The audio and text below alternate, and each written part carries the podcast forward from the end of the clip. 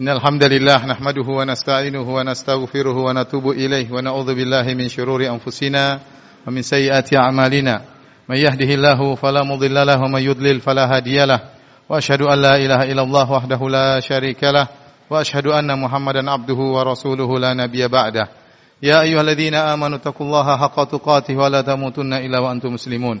فإن أصدق الحديث كتاب الله وخير الهدى هدى محمد صلى الله عليه وسلم. وشر الأمور محدثاتها وكل محدثة بدعة وكل بدعة ضلالة وكل ضلالة في النار Hadirin yang dirahmati oleh Allah Subhanahu wa taala. Alhamdulillah puji dan syukur kita panjatkan kepada Allah Subhanahu wa taala yang terus-menerus mencurahkan nikmat dan karunia-Nya kepada kita tiada henti-hentinya. Salawat dan salam semoga tercurahkan kepada junjungan kita Nabi Muhammad sallallahu alaihi wasallam dan juga kepada keluarganya serta seluruh sahabat beliau tanpa terkecuali.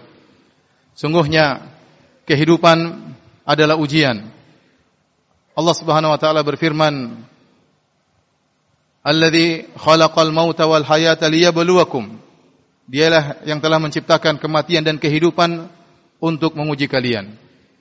Maka siapa yang masuk dalam dunia kehidupan dia pasti akan diuji. Bukan hanya orang beriman, bahkan orang-orang kafir mereka juga diuji oleh Allah Subhanahu wa taala.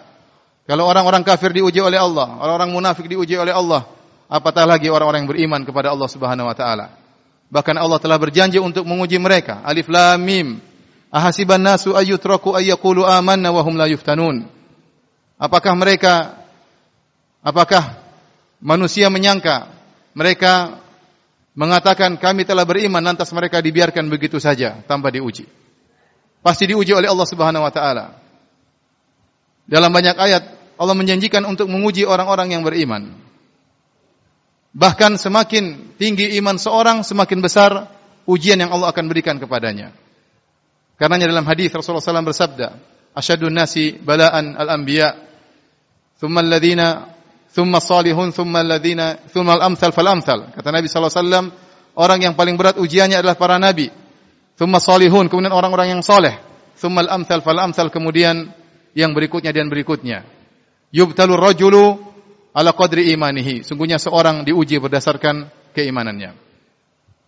Akan tetapi meskipun Allah telah berjanji akan menguji orang-orang yang beriman, Allah beri kabar gembira kepada kita bahwasanya sebesar apa pun ujian tersebut, seberat apa pun ujian tersebut pasti ada jalan keluarnya.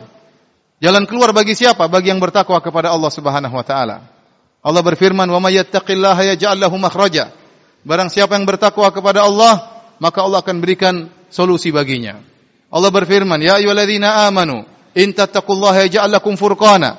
Wahai orang yang beriman, jika kalian bertakwa kepada Allah, Allah akan berikan furqan kepada kalian. Di antara tafsiran salaf tentang al-furqan adalah al-makhraj, jalan keluar. Maka jika seorang menghadapi permasalahan dalam kehidupannya dan dia pasti menghadapi permasalahan, lantas dia tidak menemukan solusi dalam menghadapi permasalahannya, yakinlah bahwasanya ketakwaannya bermasalah.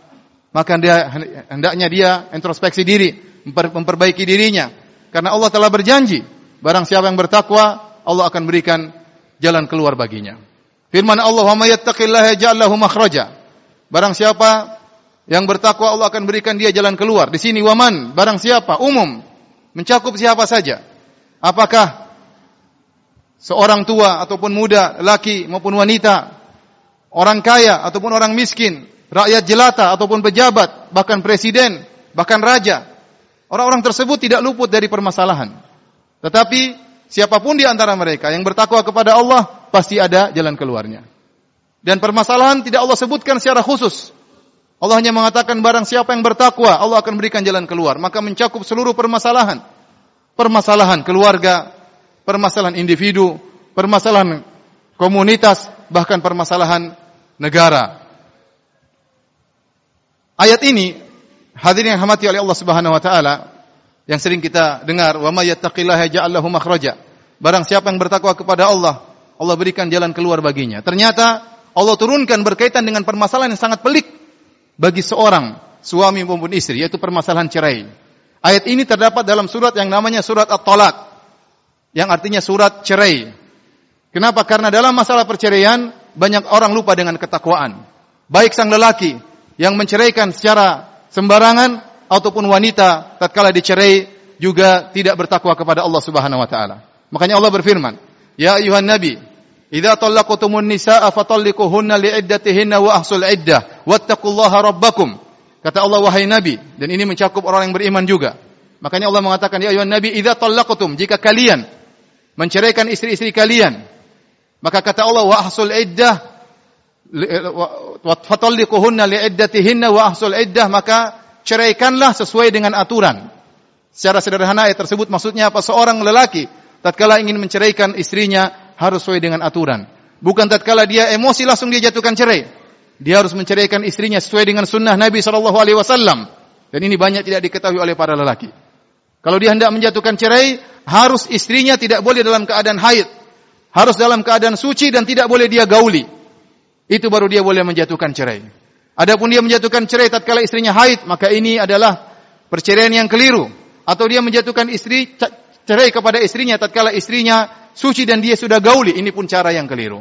Maka Allah mengatakan, "Fattaqullaha rabbakum." Bertakwalah kepada Rabb kalian tatkala menjatuhkan cerai. Kemudian kata Allah, "La tukhrijuhunna min buyutihinna." Dan janganlah kalian mengusir istri-istri kalian dari rumah-rumah mereka. Sebagian suami tatkala marah, dia usir istri-istrinya, Allah larang. Kemudian Allah berkata, "Wala yakhrujna." Dan sarang para wanita pun tidak boleh keluar dari rumah mereka. Allah suruh sang lelaki bertakwa kepada Allah Allah suruh sang wanita untuk bertakwa kepada Allah dalam permasalahan yang sangat pelik, yaitu permasalahan perceraian dalam rumah tangga.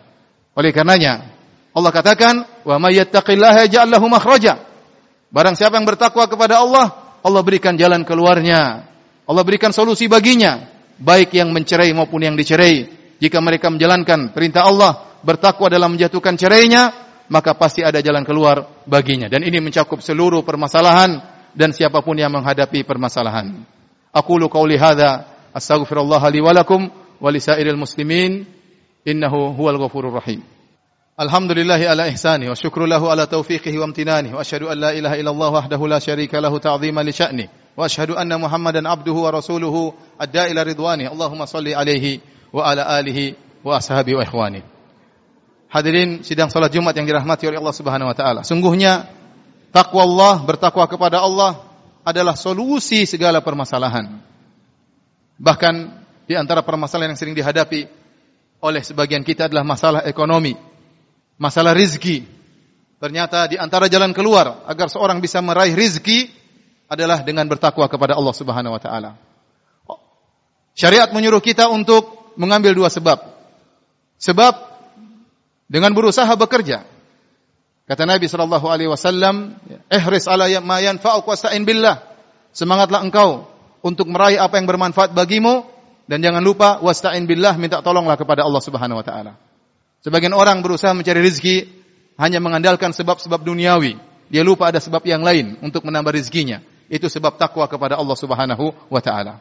Allah berfirman, "Wa may yattaqillaha yaj'al lahu makhraja." Barang siapa yang bertakwa kepada Allah, Allah berikan solusi baginya. Wa yarzuquhu min haitsu la yahtasib. Dan Allah akan berikan rizki dari arah yang dia tidak sangka-sangka. Jika Anda meraih, meraih rizki dari arah yang tidak Anda sangka, itu adalah tanda-tanda takwa Anda kepada Allah Subhanahu wa taala. Yakinlah, kalau Anda bertakwa kepada Allah, rizki akan datang kepada Anda. Allah berfirman, Wa'mur ahlaka bis salati wastabir 'alaiha la nas'aluka rizqan nahnu narzuquk wal aqibatu littaqwa. Perintahkanlah keluargamu untuk salat. Suruh istri, suruh anak-anak untuk salat. Bangunkan mereka untuk salat. Kata Allah, Nanu narzuku, kami akan berikan rizki kepada kalian. Wastabir alaiha, bersabarlah dalam memerintahkan mereka salat.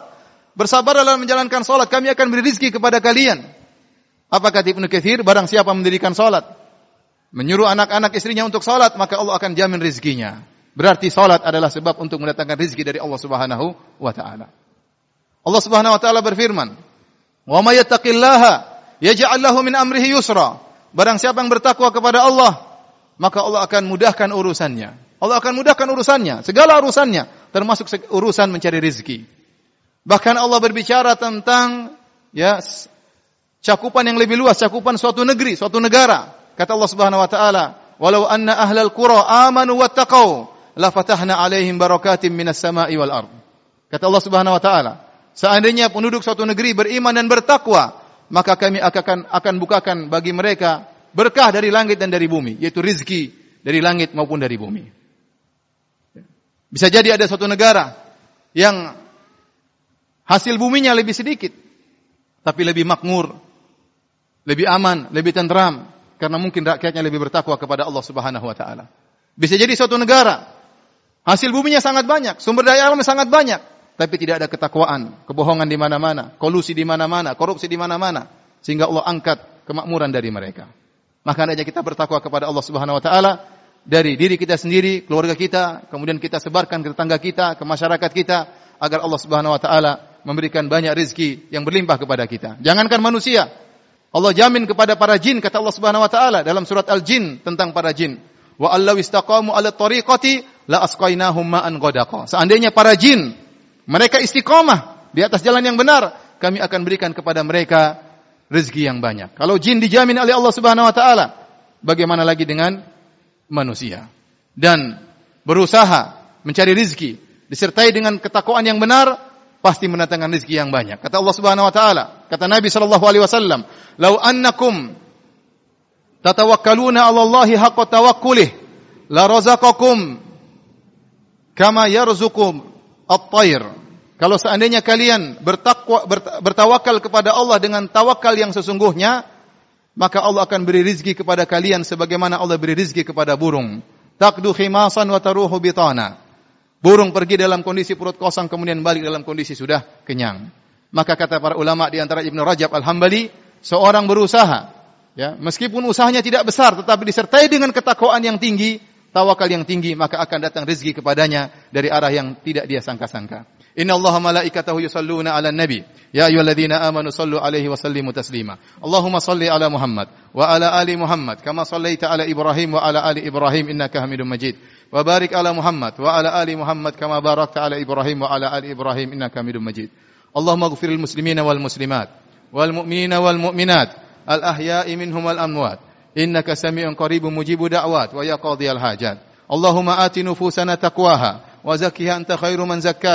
أنت وليه مولاها. ربنا ظلمنا أنفسنا وإن لم تغفر لنا وترحمنا لنكونن من الخاسرين. ربنا آتنا في الدنيا حسنة وفي الآخرة حسنة وقنا عذاب النار. اللهم أعز الإسلام والمسلمين. اللهم أعز الإسلام والمسلمين. اللهم أعز الإسلام والمسلمين. وأذل الشرك والمشركين. وأذل الشرك والمشركين. ودمر أعداءك أعداءك الدين. ودمر أعداءك أعداء الدين يا رب العالمين. ربنا آتنا في الدنيا حسنة وفي الآخرة حسنة وقنا عذاب النار وقنا عذاب النار وقنا عذاب النار وأقيموا الصلاة.